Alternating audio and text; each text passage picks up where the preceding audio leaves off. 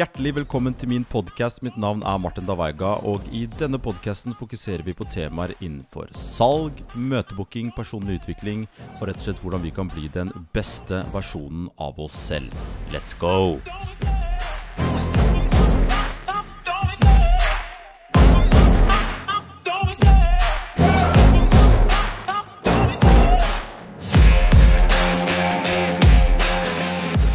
Var det tid for episode nummer syv, og i dag så tenkte jeg skulle snakke litt om loven om avvisning, og, og hva det jeg egentlig legger i det. Fordi når vi jobber med salg, så er ikke spørsmålet om jeg og du kommer til å bli avvist. Spørsmålet er bare når ønsker du å bli avvist, hvor raskt kommer du til å bli avvist.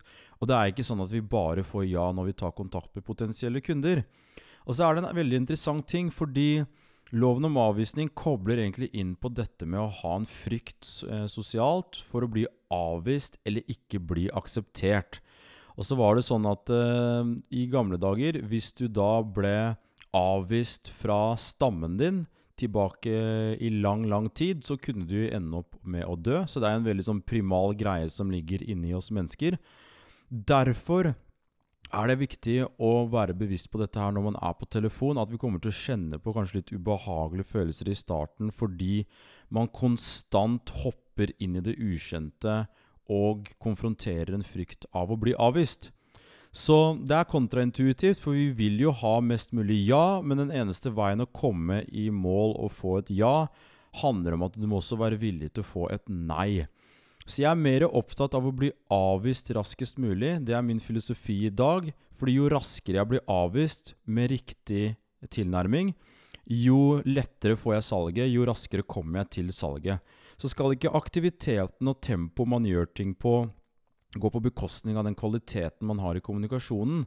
Men det er utrolig viktig å være bevisst på at man kommer ikke i mål uten å bli avvist.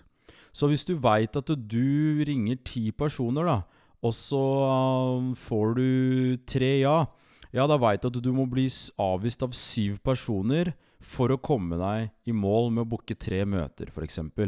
Så jeg vil heller mye mer personlig hatt fokus på hvor mange avvisninger jeg må gjennom, istedenfor å ha fokus på hvor mange møter jeg skal booke. Fordi da føler jeg at jeg er mye mer emosjonelt og mentalt forberedt for det jeg skal møte på.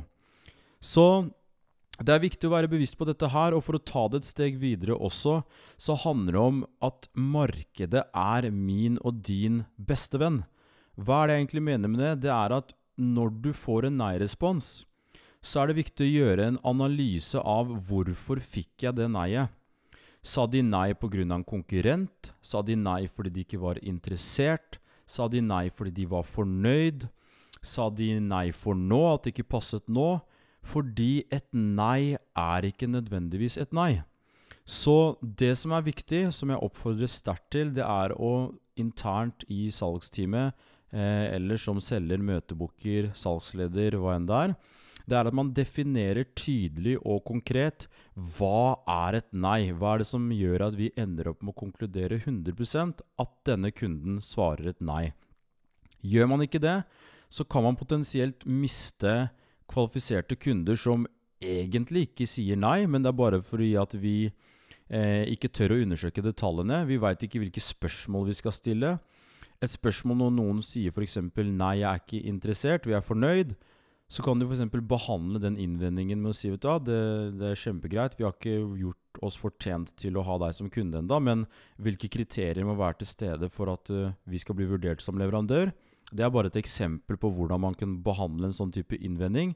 Så når du vet hvordan du skal behandle disse innvendingene, eh, du veit hva du skal si, hvordan du skal håndtere det, da har du mye mer selvsikkerhet.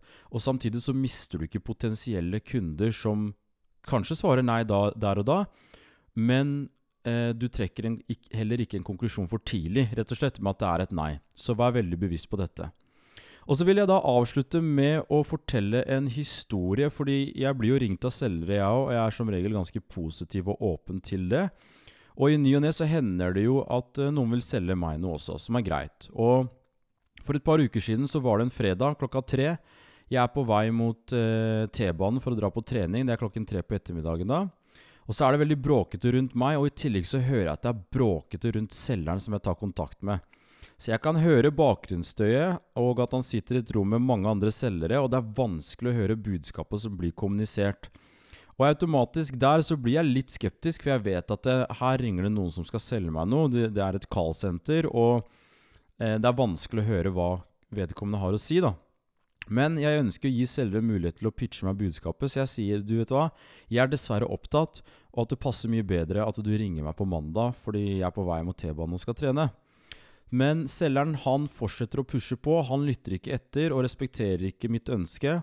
Da er jeg ganske streng og direkte i tilbakemeldingen, kanskje litt for streng, hever stemmen min og ender opp med å takke nei. Hva er egentlig lærdommen her for selger? Hva er det som er lærdommen her? Fordi du kan enten velge å ta min avvisning som et skuffende nei og konkludere med at salg ikke er noe for meg.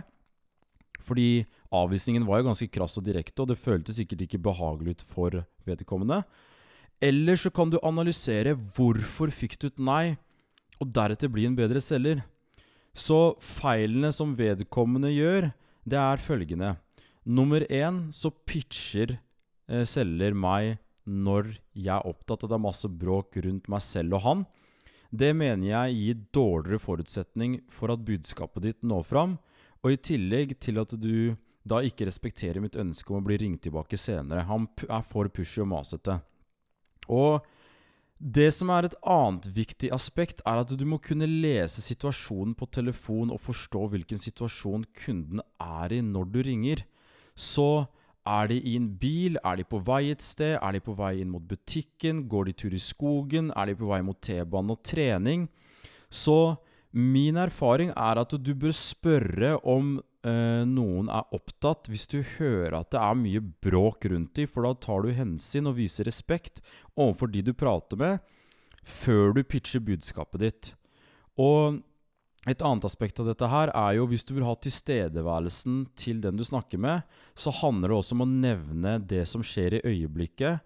Eh, og nevne f.eks. jeg hører at du er på farta, for da viser du forståelse, og pitchen får bedre forutsetning for å nå fram, fordi du krever tilstedeværelse og sier egentlig 'hei, jeg kan se den situasjonen du er i', eh, og du kommuniserer og tar hensyn til det, rett og slett.